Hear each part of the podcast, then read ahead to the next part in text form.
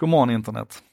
En sak idag kommer att handla om hur jag tycker inte internet är dåligt, men håller på att bli det nya, jag är inte rasist, men. Och det här besvärar mig något oerhört. För det är inte konstruktivt och det leder inte framåt och vi gräver bara den här gropen djupare och djupare. Och, och, jag vill att vi ska fundera på tre stycken frågor. Då. Den första frågan är, har internet gjort oss klokare? Den andra frågan är, har internet gjort oss lyckligare? Och den tredje frågan är, har internet stärkt vår demokrati? Och jag har lånat de här tre frågorna ifrån Sam Sundberg på, på Svenska Dagbladet, som har skrivit en ny sån här, ursäkta uttrycket nu, jag varnar känsliga tittare, men ännu en sån här bajsmacka om, om, om hur internet förstör allting.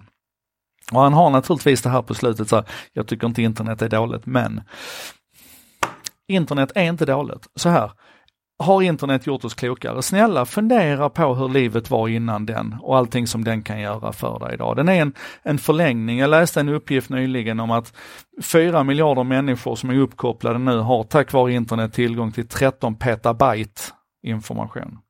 Och det är klart att klokskap och information fakta och, och, och, och, texter och bilder och filmer där ute. Det är inte samma sak. Jag menar vi blir inte kloka för att vi har tillgången till det här. Men om vi väljer att ta det här till oss som en positiv kraft och utnyttja det faktum att informationen finns där, nog fan blir vi klokare. Jag menar backa bandet till, till innan Google fanns. När du satt där i soffan och funderade över någonting eller undrade över någonting, då var ju storyn slut där. Idag kan du faktiskt, om du anstränger dig det allra minsta, så kan du komma åt Wikipedia, du kan komma åt, alltså, eh, det är klart att internet gör oss klokare om vi låter internet göra oss klokare. Den andra frågan är, har internet gjort oss lyckligare? Och då kan vi bara backa bandet till, till gårdagens En sak idag när jag pratade om Pokémon Go, som i allt väsentligt är en banalitet.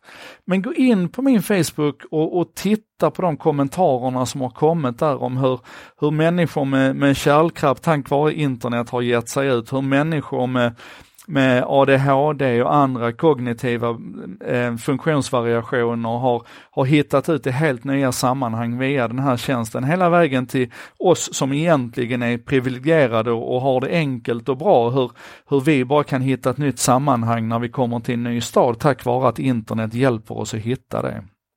Igen, Internet är ingen mirakelmaskin som med någon slags automatik gör oss lyckligare. Det vore väldigt, väldigt banalt att påstå det.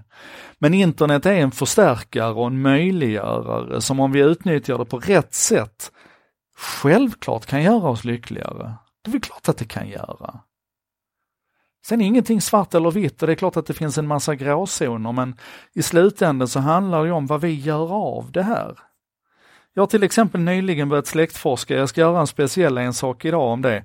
Men det tog, tack vare internet så tog det mig tre timmar att hitta tillbaka till 1500-talet och, och när jag gjorde det så hittade jag också tillbaka till delar av min allra närmaste släkt och vi kunde liksom ah, det är väl klart att internet har all potential att göra oss lyckligare. Och den tredje frågan handlar om om, om internet har stärkt demokratin. Och det är klart att vi kan plocka fram massor med bevisning idag på hur onda makter använder internet.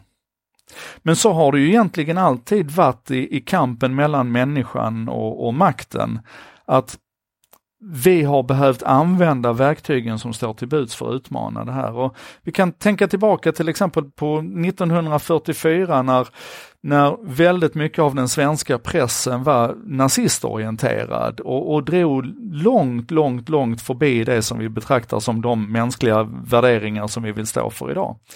Då fick Albert Bonnier Jr och, och Nykop, då fick de kicka igång Expressen för att bli en motröst till det här. Och det kunde de göra för att Albert hade pengarna och Nykop hade kontakterna. Idag så kan vem som helst starta en sajt och då är det ju klart att de som inte tycker som du och jag, de som inte är goda människor, de kan också starta en sajt. Vi kan få avpixlat och hela det där härket och, och vi kan se Alex Jones i USA växa upp och, och sådär. Men de använder inga redskap som inte du och jag har tillgång till. Skillnaden är idag att vi behöver inte Albert Bonniers miljoner, vi behöver inte det Nykobs etablerade nätverk. För att vi har en röst allihopa jag tror det var 2011 som jag skrev om det på min blogg på Jardenberg.se, om hur Amnestys dåvarande generalsekreterare, deras internationella generalsekreterare i det årets årsrapport skrev att, att äntligen har internet gett oss en möjlighet för den, den lilla människan att göra sin röst hörd på samma villkor som, som diktatorn, som vi vill bekämpa. Och det är ju klart att, att internet är en kniv som Deeped Niklas Strand brukar säga. Internet är en kniv, den kan användas för gott och den kan användas för ont. Men med den här sortens frågeställningar, och jag vet att jag drar över tiden här nu, men jag måste läsa vad Sam Sundberg skriver. Han ställer frågorna, har internet gjort oss klokare? Har internet gjort oss lyckligare? Har internet stärkt vår demokrati? Så säger han så här, det är frågor som är värda att reflektera över. Försök att hitta argument för ett välgrundat ja på någon av dem och du kommer inse att det är svårt. Nej, det är inte svårt. Ta nu den här dagen till att anstränga dig och försöka hitta välgrundade ja på de här frågorna. Och när du sen har hittat det jaet så går du ut och så sätter du igång och börjar göra.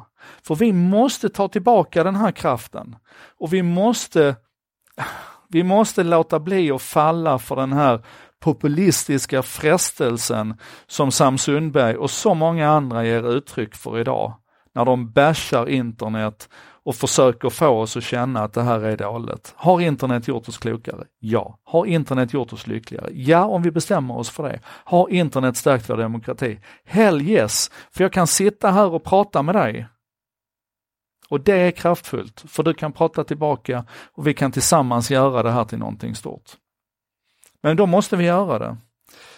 Så det får bli läxan. Det här var En sak idag med mig Joakim Jardenberg och vi ses imorgon igen förhoppningsvis då med något mer. Nej men det här är ju en positiv note. Det är ju det. Shit vad är det jag sitter och säger?